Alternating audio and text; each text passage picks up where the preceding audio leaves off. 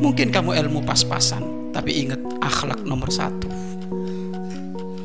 Dahulukan akhlak adab daripada el ilmu. Kalau adab harus ini nomor satu. Ilmumu 100, akhlakmu 300. Harus lebih gede akhlak itu. Karena kalau engkau tidak berakhlak dengan sesama, maka yang ada adalah pendoliman. Karena akhlak itu batas-batas, norma-norma yang harus kita waspadai, kita patuhi untuk tidak diterjang. Dan akhlak itu isinya di dalam hati. Buahnya pancaran dohir. Tutur katanya indah, kelakuannya mulia, maka mudah-mudahan Allah Subhanahu wa taala membimbing kita semuanya untuk bisa berakhlak mulia. Amin amin ya rabbal alamin.